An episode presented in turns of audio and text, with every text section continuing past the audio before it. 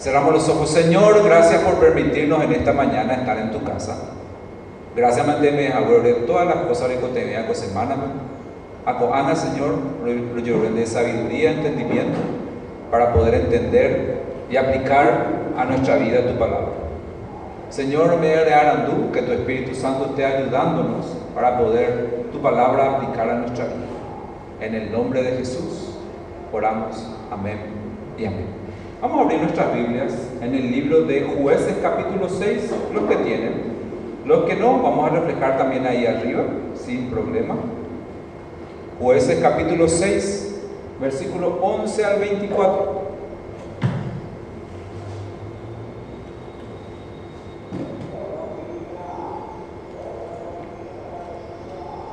El texto de Jueces capítulo 6, versículo 11 al 24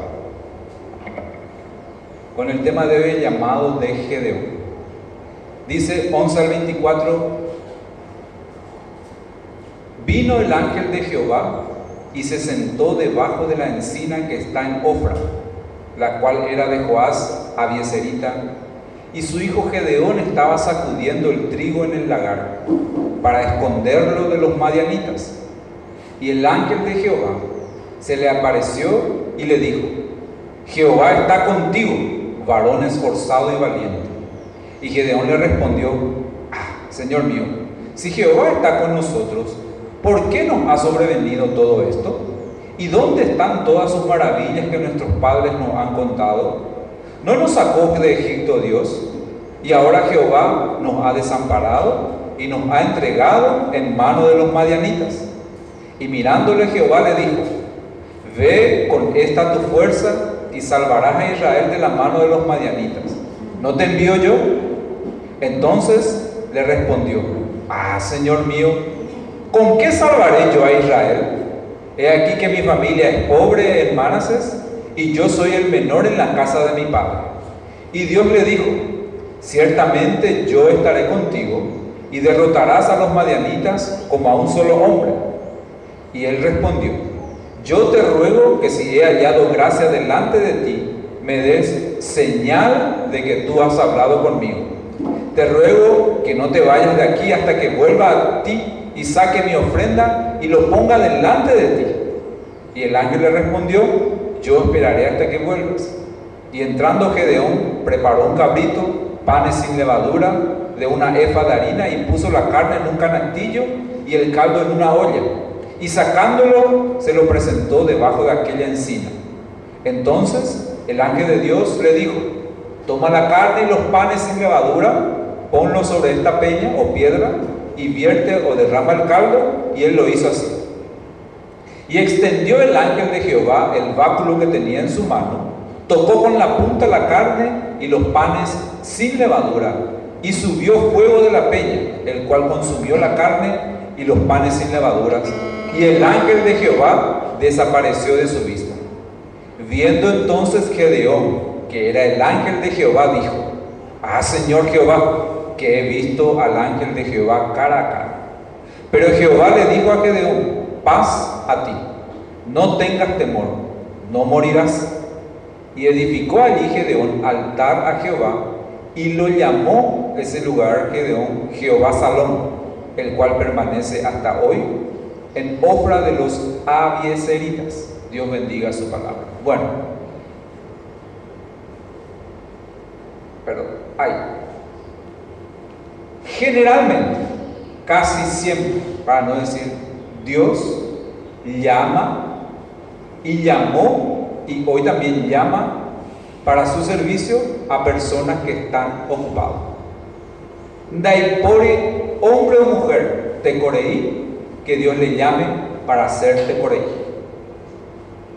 Dios le llama a la persona generalmente para servirle o para alguna función a alguien trabajador, a alguien bueno, a alguien que está constantemente en movimiento, a alguien que aporta algo a su sociedad, a alguien que está trabajando. Difícilmente vas a encontrar en la Biblia a alguien que estaba ahí no haciendo nada y yo le digo, vení acá, te voy a dar algo. Generalmente esa persona a quien Dios llama está haciendo algo y Dios le llama, refuerza lo que está haciendo le llama para su servicio, para formarle y para guiar. Ahora, los chiquititos, piensen lo siguiente. Este señor que se llamaba Gedeón, su país no era como nuestro país, Paraguay libre. Su país estaba bajo otro país más grande y ellos eran esclavos a veces. Y ellos cuando compraban algo podía venir el ejército enemigo si ellos cultivaban, por ejemplo, mandioca, arroz, maíz, cualquier cosa que hacían, podían venir el ejército enemigo y podía llevarse todo y no le podían decir nada, porque si no le iban a matar. Porque ellos estaban bajo otro, bajo los madianitas, que tenían señorío y que eran superior a ellos en ejército. No era culpa de Gedeón, pero su gobierno hizo, perdón, hay algo que interfiere en Ahora sí. Perdón, perdón. No era esa culpa de Gedeón, pero el país, los reyes cometieron pecado, se desviaron de Dios y tuvieron su consecuencia. Y algo importante, generalmente las personas que desobedecen a Dios, en nuestra vida también, en la vida de toda la gente, cuando desobedecemos a Dios, Dios permanece igual, pero nosotros nos vamos apartando nos vamos apartando y nos vamos olvidando de Dios y vamos haciendo las cosas a nuestra manera. Cualquier área de tu vida, cuando dejamos de lado a Dios, Él nos cambia, Él te espera, Él está ahí siempre, pero nosotros nos apartamos y vamos gobernando nuestra vida, vamos perdiéndonos en otras cosas que no es Dios. Puede ser la comida, puede ser tu pareja, puede ser el dinero, puede ser el trabajo, pero nos desviamos ya. Cuando estamos con Dios, Él nos mantiene a tener ese equilibrio, nos ayuda a equilibrar la familia, a equilibrar el trabajo, a equilibrar el ser, nos ayuda en ese equilibrio, así es la vida. Pero apenas nosotros, nosotros, no Dios, nos desviamos, no tomamos una vacación y de repente nuestro corazón y nuestra mente se desvía poco a poco de Dios. El pueblo de Israel, sus reyes y sus gobernantes fueron así. Al principio, ah, no creo que empeore la situación, pero empeoró. Lo mismo en nuestra vida. No creo que esté peor, pero poco a poco va empeorando. Poco a poco vamos escuchando, vamos viendo cosas que no nos ayudan a nuestra fe. Y vamos dejando de leer, vamos dejando de asistir en la iglesia, vamos dejando de orar, poco a poco. Nada hacemos de un día, no es de un domingo a otro domingo. El pueblo de Israel no es que en un mes se olvidó de Dios, sino poco a poco se estaba olvidando de Dios. Llegó el límite y Dios dijo, bueno, ustedes como pueblo no me honran. Sus gobernantes no me honran, no me dan el día, el tiempo como tiene que ser. Probablemente se iban en la iglesia, pero irse en la iglesia no es ser cristiano. Es una señal externa de que yo amo a Dios. Allá yo es una parte nomás. Lo de ahí, lo de los israelitas, tenían su culto, su sacerdote, tenían, ellos tenían todo, pero estaban siempre oprimidos, nunca liberados del pecado y de la fuerza del enemigo. En medio de ese ambiente, en medio de esa opresión, en que ninguna familia, escucha que bien, ninguna familia podía plantar libremente, ni podía tener 10, 15 vacas, o cabra, o oveja, porque venía el enemigo y podía robarle y sacarle ellos tenían que buscar la forma de tener su propia comida para no morir de hambre. Al enemigo, a los madianitas, no le importaba que ellos muriesen de hambre. Nada que ver. Al enemigo, al diablo hoy en día, no le importa que vos estés perdido, no le importa que nosotros estemos ahí postrados, nada que ver. Solo quiere que te apartes y que estés lejos de Dios. En ese ambiente estaba este hombre que se llamaba Gedeón, que era el menor de su familia. Vamos a suponer que estaban entre ocho. Él era el hijo, suponiéndolo, él era el hijo menor de los ocho. Generalmente en su cultura de ellos, el menor trabajaba más porque el mayor tenía que salir, el menor se quedaba en casa, el menor tenía que estar ayudándole al mayor y trabajaba casi el doble.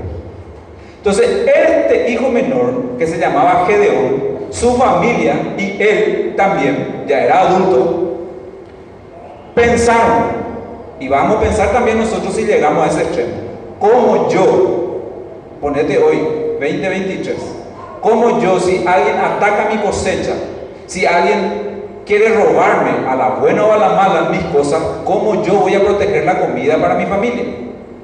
Ellos idearon un plan, hicieron un agujero, un hoyo en X lugar y entraban ahí, suponiendo, subterráneamente entraban y tenían que ellos, no había supermercado, ellos tenían que preparar ellos mismos su comida con la harina. Pero para producir la harina necesitaban el trigo y tenían que poco a poco limpiar, como se hace la sopa, el maíz se tiene que sacar las cosas feas. Él tenía que sacar, limpiar su trigo. Y el trigo no se limpia así nomás. Si es para una tropa y es lo único que tenés para comer y para toda tu familia, tenés que limpiar bien, porque si no, no va a funcionar, no va a tener su valor nutritivo y no te va a ayudar y no va a ser bien. La materia prima de ello era esa comida que estaba así.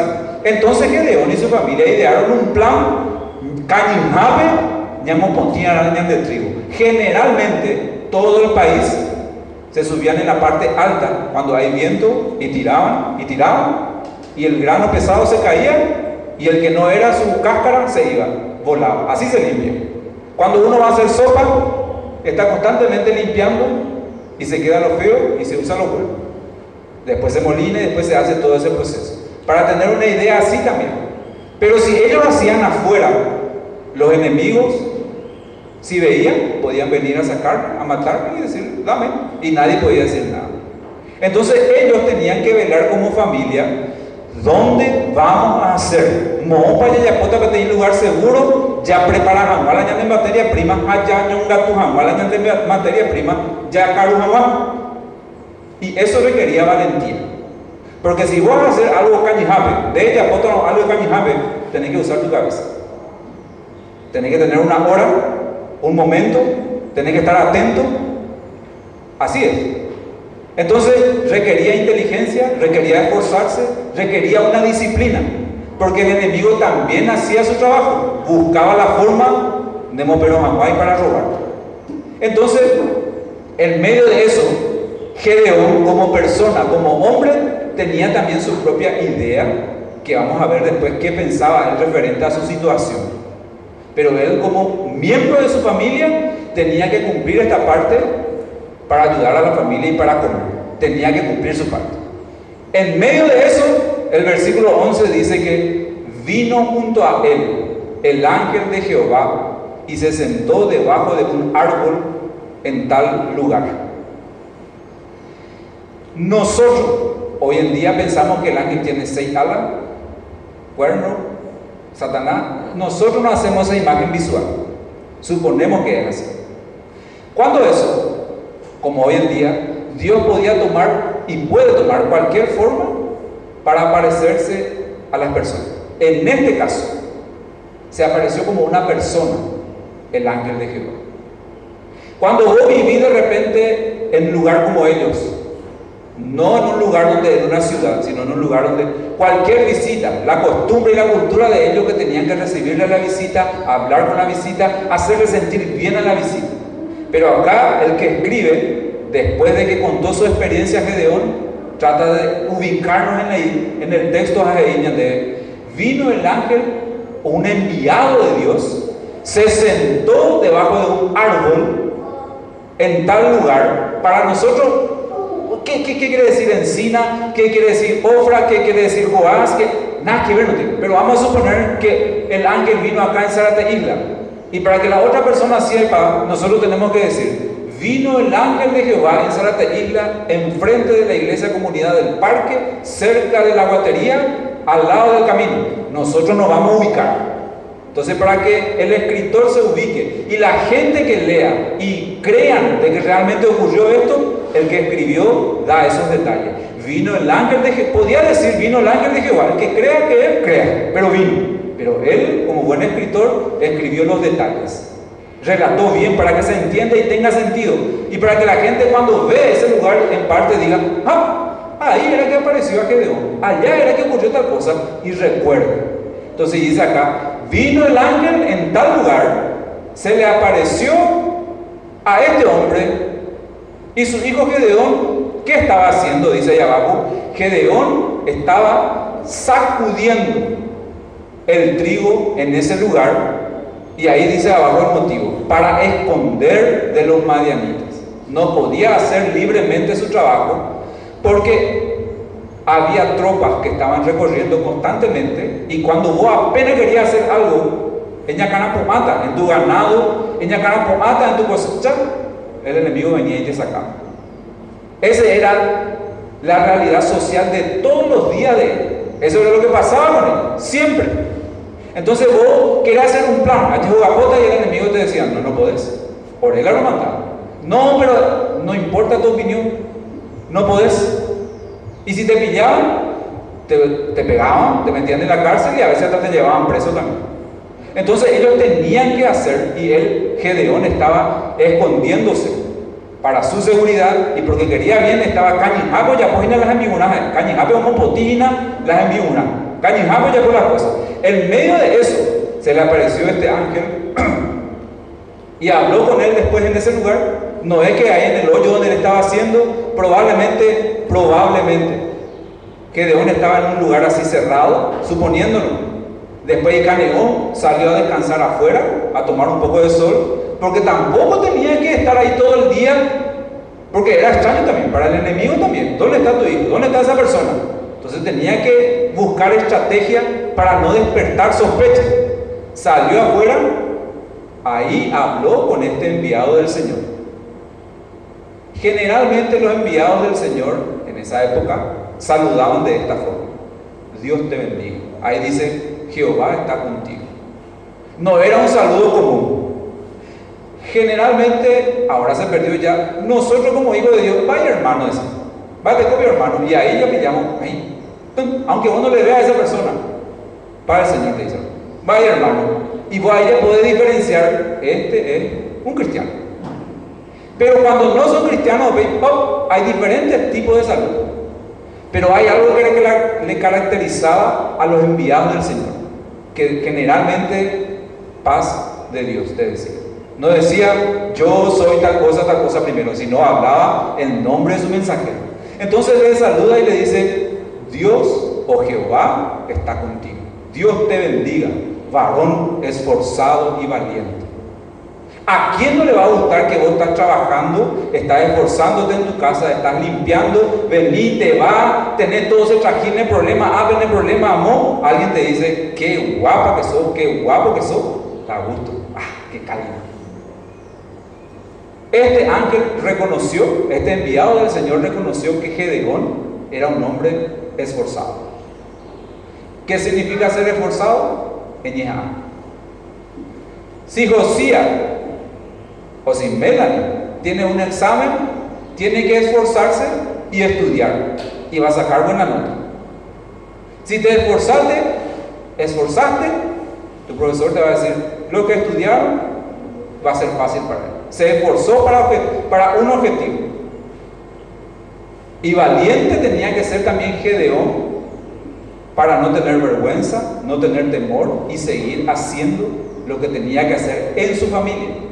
Gedeón con su sencillo acto de ser valiente en su familia, de ser valiente y esforzado en su familia, no pensó nunca que con ese sencillo acto Dios le iba a elegir para algo superior. O sea, ñande, niños o adultos, cumpliendo nuestro rol de hijo bien, cumpliendo nuestra escuela bien, cumpliendo nuestro trabajo bien, no sabemos lo que Dios tiene preparado para nosotros. Nunca. Queremos que nuestro hijo esté bien. Ustedes quieren terminar su escuela, su colegio, estudiar y ser alguien y tener algo. Nosotros también. Por eso, una recomendación para los niños es, si están estudiando bien, sigan estudiando bien. Si están estudiando mal, pónganse la pila y estudien bien. Y Dios poco a poco en ese proceso te va a estar preparando para que, como para un lugar. Cuando vos terminas tu grado te van a decir, felicidades mi hijo, pasaste de grado. Te entregan tu libreta y te van a otro, otro lugar, otro lugar. ¿Cuándo voy a terminar de estudiar? Y cuando tenga 24, 25 años por ahí. ¿Vas a estudiar mucho? Sí, mínimo 18, 19 años para terminar tu cierto curso. Mínimo. ¿Por qué? Porque si no estudias ahora que sos chiquitito, después va a ser difícil que se te abran las puertas para tu trabajo. Cuando más estudias, más puertas vas a tener. Vas a querer trabajar acá, acá, acá y vas a saber hacer. Por eso no se cansen los que estudian los chiquititos de estudiar. Hay que estudiar, sí. ¿Cuánto? ¿Cuánto tenemos Samuel? 14. Y casi 10 años por ahí tiene todavía que estudiar. Muchísimo, si se puede. Mucho hay. Entonces después vas a tener, esforzarte y vas a ser valiente y vas a disfrutar de algunas cosas que están preparados para. No se cansen que de estudiar, sigan estudiando. Tu nota es importante que sea lindo, pero esforzate a hacer lo mejor, estudiar lo mejor.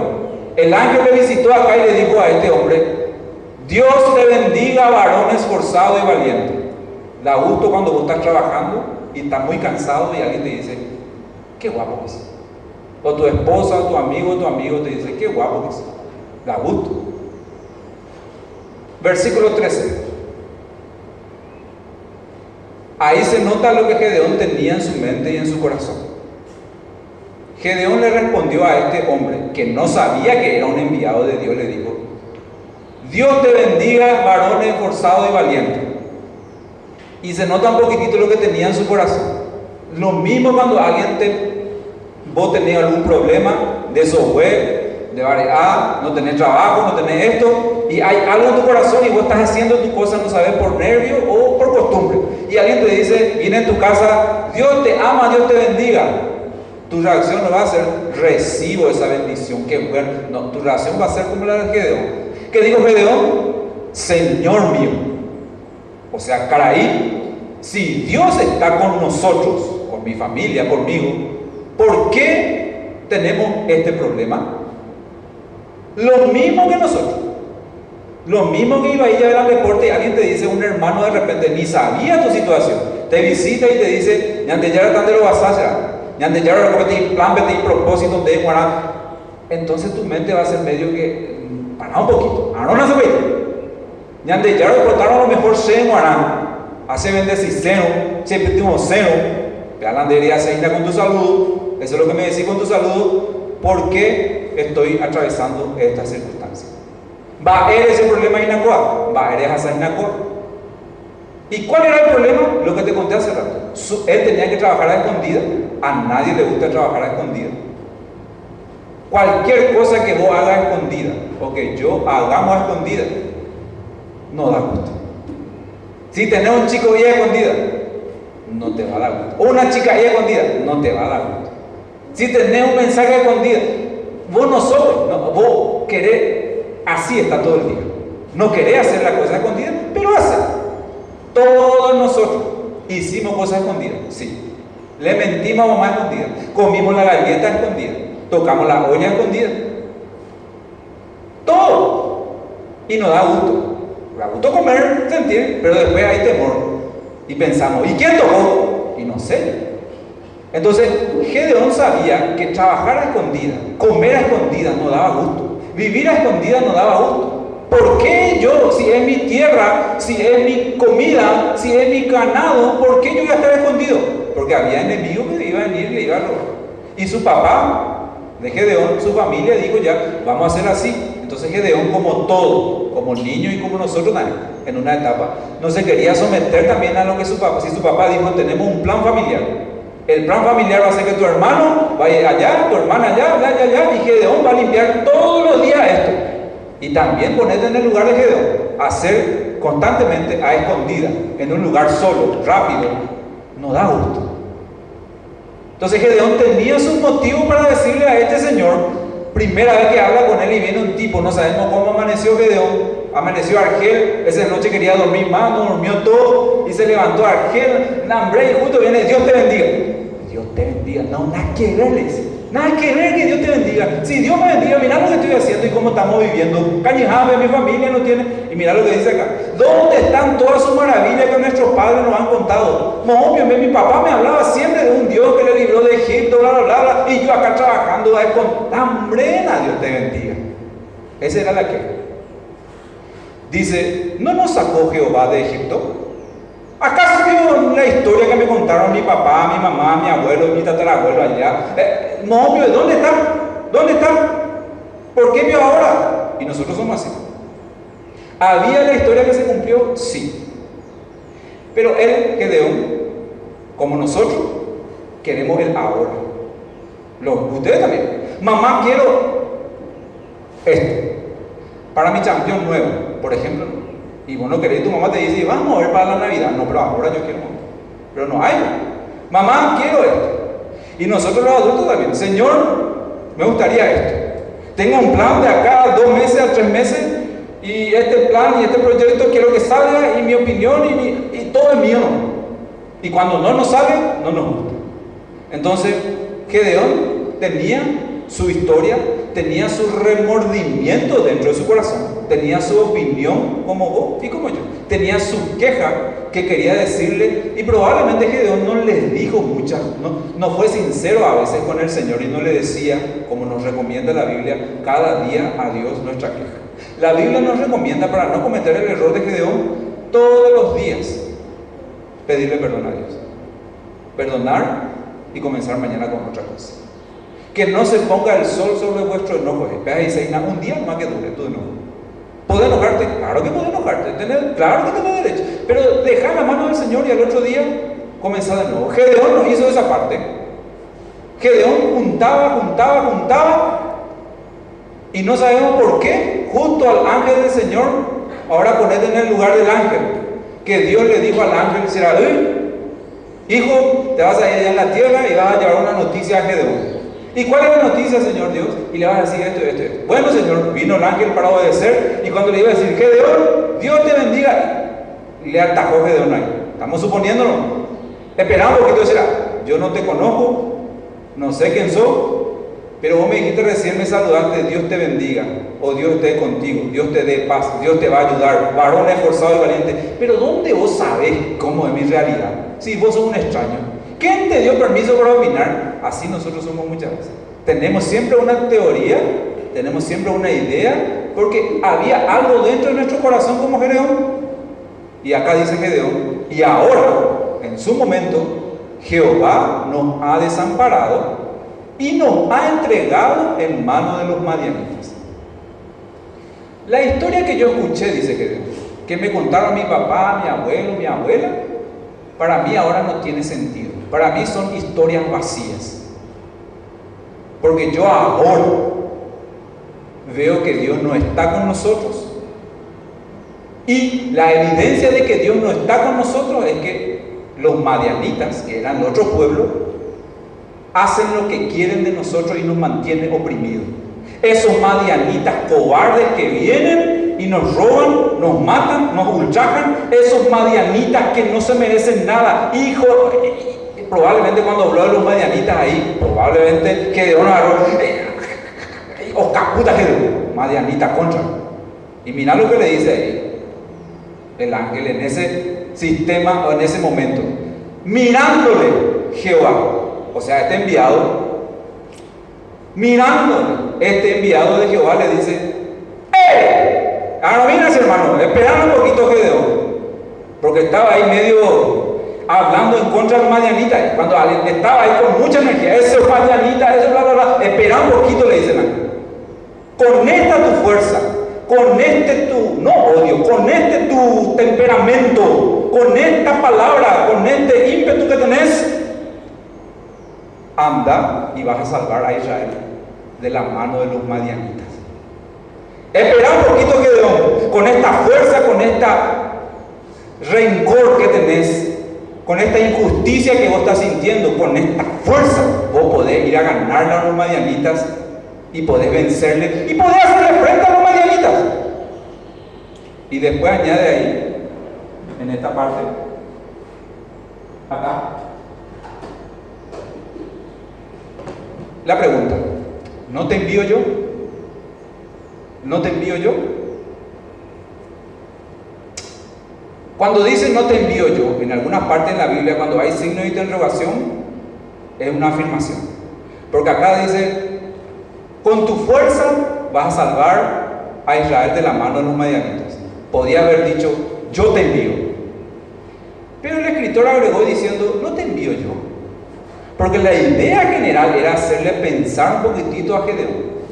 Cuando uno está enojado, está hablando en contra de alguien, está así, muy nervioso, vos podés vocearte con él, vos podés hablar con él, pero no podés razonar muchas veces. Entonces el ángel le dice, bueno, bueno, yo solo te puedo decir que había sido Gedeón, aparte de que vos sos un varón esforzado y valiente, guapo, también tenés carácter. ¿Por qué vio Gedeón? Si vos pensás que tenés el plan perfecto, si vos pensás que Dios es injusto, si vos pensás que la historia que se escribió de Dios no se aplican a tu vida, ¿por qué vos, Gedeón, no te va y hace algo al respecto? ¿Acaso Dios no te prometió que va a estar contigo?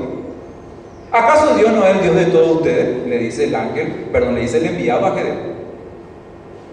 Y cuando vos le haces esa pregunta hoy en día a la persona que está enojada, que está así, parece que va a entrar en razón o parece que no va a entrar en razón. Algunos entran en razón y te dice, y se calla. Pero Gedeón no se cayó, no ir y dice acá el 15, entonces le respondió Gedeón, Señor mío,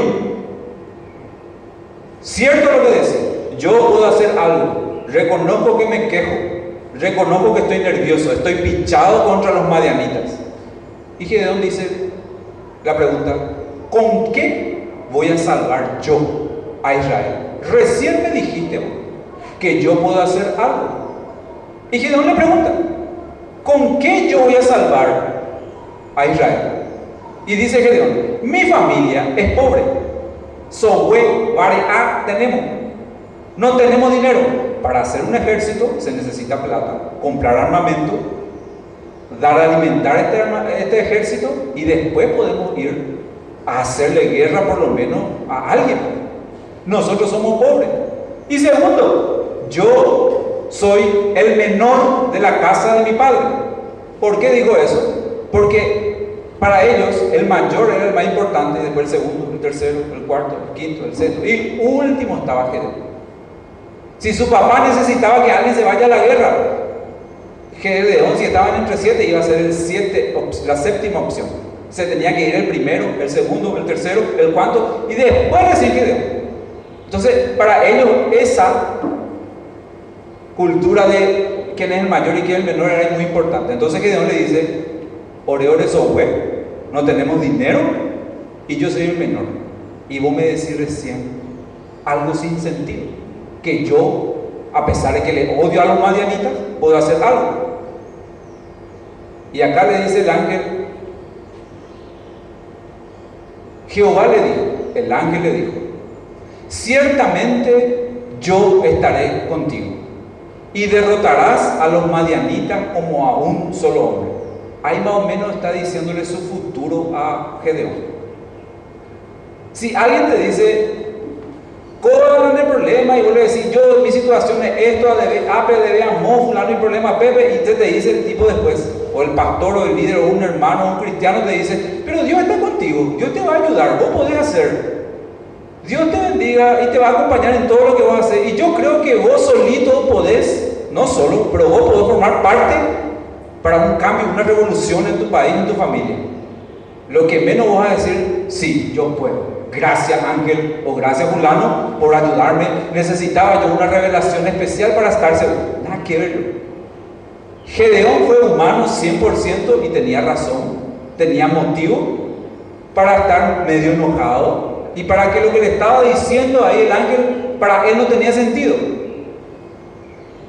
Pero poco a poco el ángel con paciencia. Porque el ángel podía, escucha bien, el enviado de Dios podía decirle a Gedeón, cállate. Y Gedeón no podía. Pero el ángel y Dios, paciente, escuchó la queja de Gedeón, como escucha tu queja y escucha mi queja. Nosotros nos quejamos toda la semana, a veces todos los días, a veces todas las horas. Así somos contra cualquiera. Por el mosquito nos quejamos a veces. Y también inconscientemente contra el Señor a veces. ¿Por qué? Muchas cosas. Pero el Señor fue paciente con Gedeón, escuchó todo su queja, que tenía razón Gedeón. Nosotros cuando nos quejamos también tenemos razón, sí. ¿Tenemos motivo para quejarnos? Sí. Igual el plan de Dios, aunque Gedeón tenía razón, no cambió. Igual si nosotros nos plagueamos y nos quejamos y pataleamos y escupimos y ah, el plan de Dios no va a cambiar para tu vida y para mi vida. Solo vemos que en vez de iba a ser diferente la historia. Si el ángel venía, Gedeón le saludaba, ¿y vos quién sos? El ángel del Señor. Y Gedeón le diga, ¿y qué tiene el Señor para decirme? Y el ángel le diga, el Señor, bla, bla, bla. Y Gedeón diga, gracias, opa, cortito la historia. Pero generalmente no ocurre así. Generalmente todos pasamos como Gedeón. Tenemos nuestra historia, nuestras trabas, nuestra cultura, nuestra familia, nuestros perros, nuestros gatos, todo tenemos.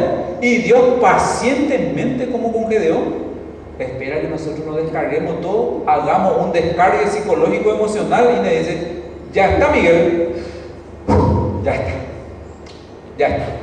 Ahora yo voy a hablar, dice el ángel. Ahí entró poco a poco, después de descargarse, entró Gedeón en razón. Y de repente parece que la mente de Gedeón, con la respuesta del ángel, de este enviado, empezó a entrar en razón después de descargar todo su nerviosismo. Entonces, y voy a explicar, el 17 dice, y él respondió, Gedeón, yo te ruego que si he hallado gracia delante de ti, me dé señal de que tú has hablado conmigo. En otras palabras, para entender un poquito, Señor visitante, si vos dijiste recién que Dios está conmigo, que Dios me va a acompañar, que Dios me va a ayudar, que yo puedo hacer tal cosa. Ahora te pido que yo quiero una señal para confirmar de lo que vos me decís y la noticia que vos me traes se pueda cumplir en mi vida. ¿Tiene sentido o no tiene sentido? Sí. Porque si vos, Dios te dice algo lo primero que vas a demandar es, ¿cómo yo voy a saber que Dios quiere que yo sea pastor, cantante, líder, esposo, esposa, misionero? ¿Cómo yo voy a saber? Necesito una señal, necesito una comprobación. Eso ya ocurrió en la época de Gedeón y nosotros hasta hoy en día seguimos. Señor, necesito una señal para esto. A veces nuestra señal no tiene nada que ver con esto. A veces nuestra señal es para nosotros.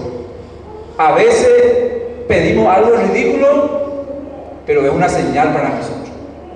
A veces vos le contás esto a Dios y le, seguramente el Señor, ¿qué señal Miguel me pedís y ya? Pero Dios en su paciencia dice, bueno, este ángel le dice, bueno, y mira el 18 dice, te ruego que no te vayas de acá hasta que vuelva a ti, saque mi ofrenda y la ponga delante de ti. Y él respondió, yo esperaré hasta que vuelva. ¿Sabe lo que pasa? Para, a pesar de, su, de ser malagradecido, no, no malagradecido, de, estar, de odiar a los madianitas, a pesar de que no le gustaba muchas veces hacer la misma cosa, Gedeón tenía también una formación cristiana que sus papás le habían dado. Y en medio de eso estaba darle una ofrenda a Dios. Había un protocolo, una forma de saber si Dios era el que te hablaba o no, o si Dios aprobaba lo que vos querías o lo que Él quería. Y una de las formas prácticas era invitar, sacar una comida. Y mira lo que hizo Gedeón. Te voy a simplificar. Gedeón le dijo a este, a este mensajero, le dijo, voy a irme en casa un rato, voy a preparar una comida especial, no era una comida cualquiera, voy a venir y te voy a ofrecer. Bueno, ese era mi parte. Se fue Gedeón, preparó la comida, en unas cuantas horas volvió y el tipo, si no le interesaba y si era mentiroso o llamó, podía irse. Pero el tipo se quedó, le esperó a él. Vino Gedeón y le dice, acá traje la comida. Lo que hizo Gedeón fue, puso sobre una piedra esa comida especial y esto. El protocolo era para saber que era una ofrenda a Dios esa comida. Entonces el enviado, el señor este, agarró, tenía en su mano un bastón, por llamarlo así. Tenía en su mano un bastón. Y cuando Gedeón puso ahí, ponete en el lugar de Gedeón ahora. Orula en mi ya papá, trajo su comida especial y dice acá, mira lo que trajo. Entrando Gedeón preparó un cabrito. Oyucapatén cabará, panes sin levadura, pan integral especial de una, de una medida y puso su carne en un canasto, puso también un caldito y sacando ese caldito se fue debajo de ese árbol, dice Entonces el ángel de Dios le dijo, llevó y le dijo al tipo, acá esto es lo que yo preparé, esta es mi ofrenda al Señor, este era lo que yo, te, así me enseñó papá, así me enseñó mamá, acá Y le dice el ángel, toma la carne, los panes, sin levadura, poné sobre esta piedra. Y sobre la piedra, primero la carne, el pan al lado, y sobre la piedra, el caldo. Y puso también ahí. Y dice, así lo hizo Gedeón. Y después dice el 21, y extendió el enviado de Jehová su báculo que tenía en su mano, tocó la punta, la carne y los panes sin levadura, y enseguida, dice, subió fuego de la roca, consumió la carne y los panes sin levadura, y para Yapa, el tipo que estaba hablando ahí cara a cara con él, desapareció de su vista. Alguien viene ahora, entra, pongo acá la comida, trae un bastón, toca, gendú la comida, sale un humo, tenía todo su simbolismo. Sale un humo que Dios acepta ese humo y para el colmo el tipo que entró y estaba hablando conmigo, desapareció. De la nada, desapareció. Diferente es cuando vos te das la vuelta y el tipo corre, desapareció. Alguien que habló con él casi varias horas, de repente desapareció. 22 dice, viendo Gedeón, había sido la él. Era el ángel de Jehová ese tipo. Y probablemente, probablemente Gedeón no estaba tan orgulloso de todo lo que le dijo al ángel. Si yo sabía que era un ángel, ¿por qué no le pedí otra cosa? ¿Para qué yo me plagué con él? ¿Para qué le conté esto? ¿Para qué le conté? y se habrá quedado siempre en su corazón. Y otro tema de mensaje, el día en que yo de verdad aproveché mi oportunidad para pedirle al ángel algo y para saber, ¿por qué no le pregunté cómo es allá? ¿Por qué yo tuve que plaguearme y tuve que ser solamente egoísta? Probablemente mucho después se habrá cursado en la mente de Gedeón. Lo importante es que Gedeón, en nuestro mensaje ahora, entendió y dijo, he visto al ángel de Jehová cara a cara. Yo tuve una experiencia sobrenatural, estaba hablando solo, cara a cara. Y para ellos, tener una experiencia o con Dios o con el ángel era algo que no podía hacer cualquier ser humano. Ni Moisés pudo ver a Dios. Solamente para en su mente era, yo voy a morir. Porque fui un ingrato, porque no pude, porque fui un egoísta, y probablemente, no, un ejemplo, ¿qué me va a pasar? Porque para ellos su cultura, nadie puede ver a un ángel y seguir vivo. Porque era el enviado de Dios, es como mirar a Dios mismo. Pero Dios tenía un plan para él. Y dice el 23, Dios le dijo, no el tipo que gritó, ¡eh! De alguna forma Dios le dijo, paz, ahí está rey, paz a ti. No tengas temor, no vas a morir. Porque él sabía, la experiencia, todo le dijo. El tipo que estaba en un ángel ve, no. Y probablemente amanota, o hoy o mañana me muero, me muero. Pero Dios le dijo, Gedeón, tranquilo. Dios, paz para ti. No vaya a tener miedo, porque el tipo desapareció. No vaya a tener temor y tampoco te vas a morir, Gedeón lo que hizo Gedeón y terminamos para rematar en esta parte. Gedeón 24 dice, ahí mismo Gedeón edificó un altar a Dios. O sea, tenía piedras por ahí. En agradecimiento dijo Gedeón, este es un lugar sagrado donde yo, Gedeón, no Ramón, no Héctor, donde Gedeón tuvo un encuentro personal con Dios. Y para Gedeón, este lugar va a significar siempre algo único y especial. No para los otros profetas, para Gedeón. Entonces Gedeón dice, hizo un altar especial, vamos a llamarlo un nicho, para tener una idea. Hizo un nicho especial y llamó ese nombre Jehová Salón. Jehová me da paz. Jehová me da fortaleza. Jehová me va a acompañar. Jehová me va a guiar. Dice, el cual permanece hasta hoy en ese lugar. No hasta hoy 2023, hasta la fecha en que se escribió el libro. ¿Qué aprendemos de esto nosotros? Interesante historia de Gedeón, pero en ahí 2023. Esto ocurrió cientos y miles de años antes. Pero la verdad de la Biblia no cambia, siempre permanece igual. Y se aplica para nosotros hoy igual que Gedeón. No hay ni va a haber una revelación más que el que está en la Biblia. Entonces a nosotros, chico o grande, nos corresponde leer, saber y aplicar lo que está revelado para nuestra vida.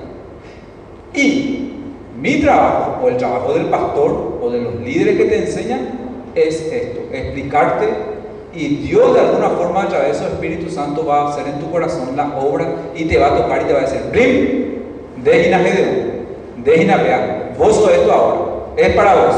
Primero, Gedeón estaba, para simplificar, en un apuro doloroso. Gedeón estaba sacudiendo el trigo, escondiéndose y probablemente en esa primera etapa de la vida de Gedeón, cuando estaba haciendo todo, no era feliz, vivía ah, escondido, sin Dios, sin propósito. Antes de aparecerse el ángel a Gedeón, su vida era rutinaria. Tenía que hacer muchas cosas mecánicamente, irse a trabajar, esconderse, plaguearse, hacer esto, hacer lo otro.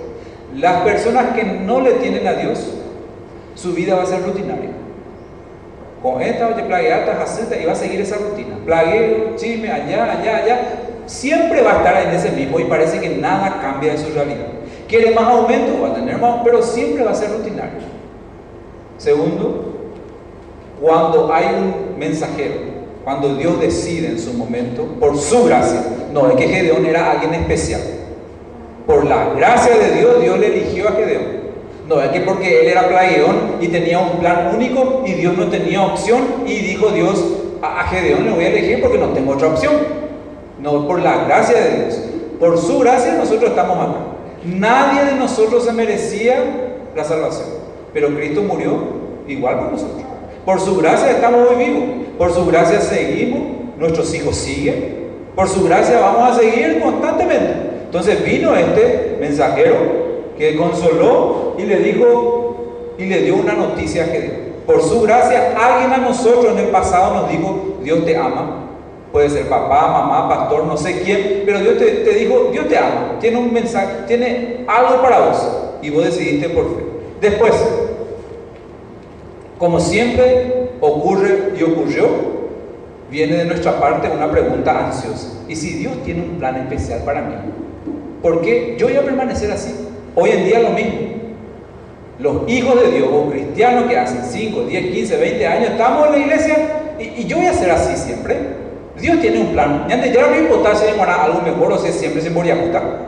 Siempre mejorata, siempre amor, siempre Tenemos preguntas constantemente como Gedeón. Si Dios, si el pastor, el líder predica, Dios me va a ayudar, va a mejorar mi situación. Por eso dijimos hace rato.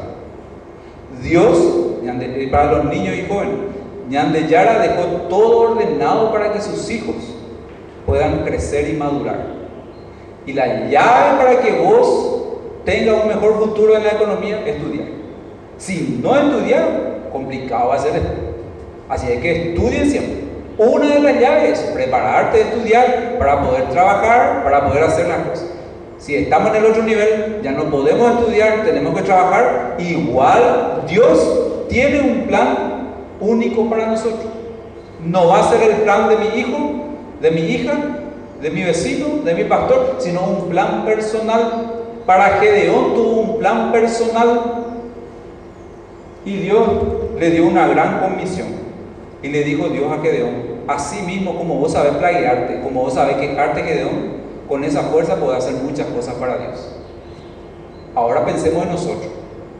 Así como Miguel, para no decir tu nombre, sabe playarse, así como Miguel sabe criticar, así como Miguel sabe esto, sabe lo otro, con esa misma fuerza puede utilizar para bien. Lo mismo se aplica. Así como vos sabés hacer esto, esto y esto y esto y esto, si eso que sabés hacer, que Dios te dio unos dones y talentos únicos, utilizar para Dios, el ángel o Dios, o su palabra mejor dicho, más que el enviado, nos dice, con esa fuerza, con esa inteligencia que tenés, ven y servirme. Y si estás sirviendo, seguí sirviendo. Y si estás sirviendo, seguí sirviendo. Y después dice, la excusa que todos presentamos y presentó Gedeón, yo soy pobre. Ahora en nuestra iglesia todos somos pobres, no hay ningún millonario. Depende de vos, según Televingo y según CNT, podemos ser millonarios en cualquier domingo, pero no jugamos y no vamos a ser millonarios. Así, así no. Entonces no hay excusa. Para Dios, cuando nos llama, el dinero probablemente para nosotros nos va a dar contacto, nos va a ayudar a comprar esto, esto, esto, esto, esto. Pero para Dios lo que le dice a Gedeón, yo voy a estar contigo. Y eso significaba para Gedeón que tenía que desarrollar su fe, que tenía que trabajar su fe, confiar en personas, armar su ejército, usar su inteligencia y ponerse a a trabajar. Lo mismo para nosotros. Tengo que usar mi inteligencia, ponerme a trabajar y Dios va a estar conmigo. Y por último terminamos que Dios le dio una promesa tranquilizadora a Gedeón. Yo voy a estar contigo. Ese Dios que le dijo a Gedeón estuvo con él. Vos en tu casa podés leer toda su historia. Tuvo grandes derrotas, pero mucho más grandes victorias. Aprendió de su error, sí. Confió en el Señor poco a poco años. Para nosotros leer su historia nos va a llevar una hora por ahí. Pero eso es años de historia que se escribió. 40, 30 años. Nosotros la misma cosa. Y por último, Gedeón hizo un acto de adoración. Demostró con su acción de que era Dios el que le estaba diciendo. Vos podés tener tu fe, tu estructura de fe, o vos crees una forma en la Biblia, está bien perfecto. No hay problema van a decir, vos crees esto y vos no crees, no hay problema. Pero lo que vamos a ver nosotros, lo que ven los seres humanos son tus obras, tu acción. Demostrar con tu acción que Dios es grande, que Dios es amor siendo amoroso, que Dios es compasivo siendo compasivo, que Dios le ama amando a los demás, que Dios es dadivoso dando a los demás. Entonces vos y yo somos el reflejo de Dios. Y en la última parte Gedeón demostró con su acción este es un lugar que para mí, dijo Gedeón, es algo importante. En este lugar yo es una experiencia personal. La misma cosa en tu vida.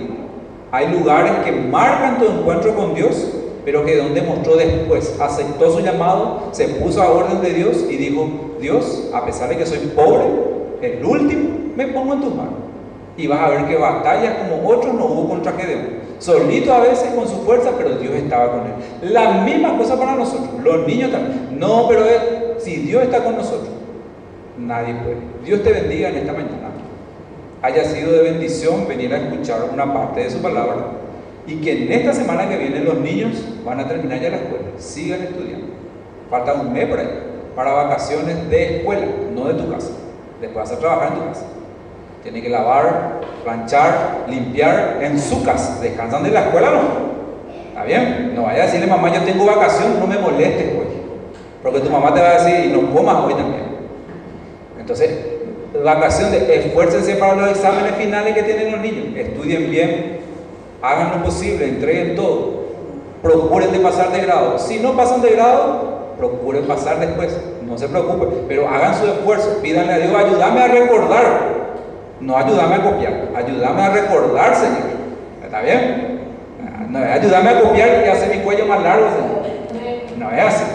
ayúdame a recordar, pero estudia que para eso. A los adultos por venir también. Gracias por venir, invertir su tiempo, ¿verdad? Que Dios guarde en tu corazón y en mi corazón su palabra y cuando necesitamos, dice que a través de su espíritu va a mover y nos va a hacer trabajar la cabeza. Para eso nos dio inteligencia, para eso nos dio espíritu, para poder. Gracias por venir. Ñaña Nos paramos. Todos los domingos a las 9 de la mañana, las personas que no vinieron hoy, invitarles, algunos por trabajo ya dijimos, otros por otro motivo, invitarles, mensajearles y decirle, Ñande ya compartir palabra única para vos. Hoy hablamos 30 minutos, pero cada uno llevó una parte porque es para él. Y Dios sabe qué parte de lo que vos había sido y yo también necesitaba en la historia de Jesús. Los domingos a las 9 de la mañana, solamente si amanece lloviendo y coger pero coger pero no hay coger y estamos aquí. Entonces vengan siempre, invítenle a otras personas para que puedan escuchar y entender y aplicar a su vida la palabra de nuestro Dios. ¿Está bien? Cerramos los ojos. Señor, gracias porque en esta mañana nos trajiste a tu casa. Ayúdanos a entender tu palabra, a quedar grabado y guardado en el cofre de nuestro corazón y podamos practicar en sus momentos. Gracias porque nos enseñaste a través de la vida de Gedeón todo lo que quieres para nosotros. Ayúdanos y guiarnos en el nombre de Jesús.